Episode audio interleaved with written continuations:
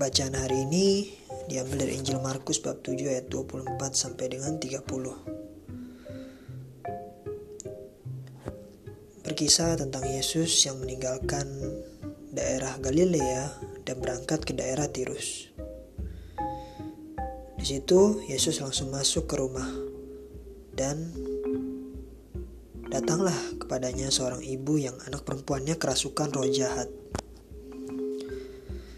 Ibu tersebut bukanlah bangsa Yahudi, melainkan seorang Yunani berkebangsaan Siro-Fenisia.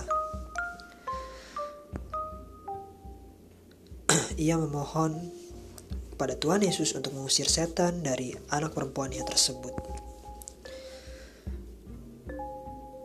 Dan sungguh, kuasa Tuhan Yesus bekerja kepada anaknya lewat jamahan Tuhan Yesus, setan tersebut keluar dari anak perempuannya. Apa yang saya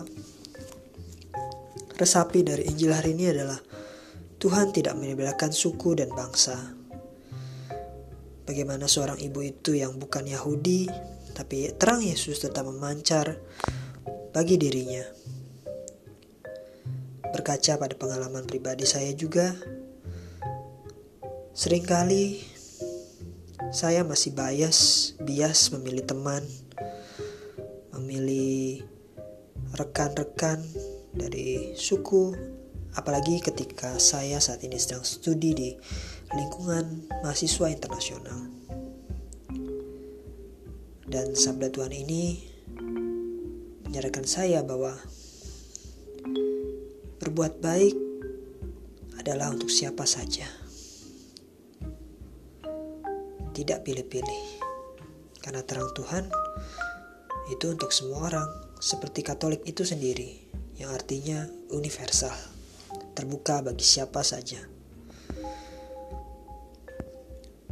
Marilah berdoa. Allah Bapa, Allah Putra, Allah Roh Kudus. Terima kasih atas bacaan hari ini. Kau ingatkan kami kembali tentang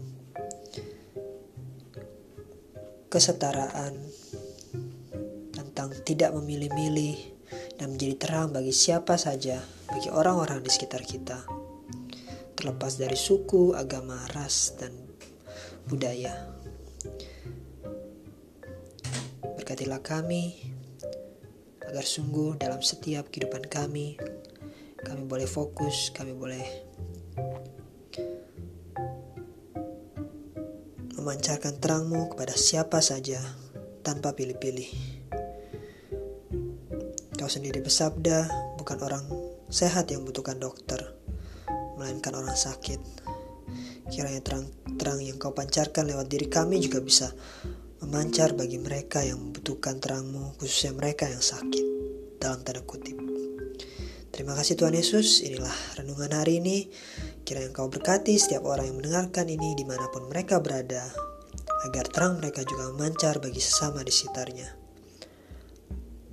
Dalam, hanya dalam namamu kami berdoa dan mengucap syukur. Amin. Dalam nama pada Putra dan Roh Kudus. Amin.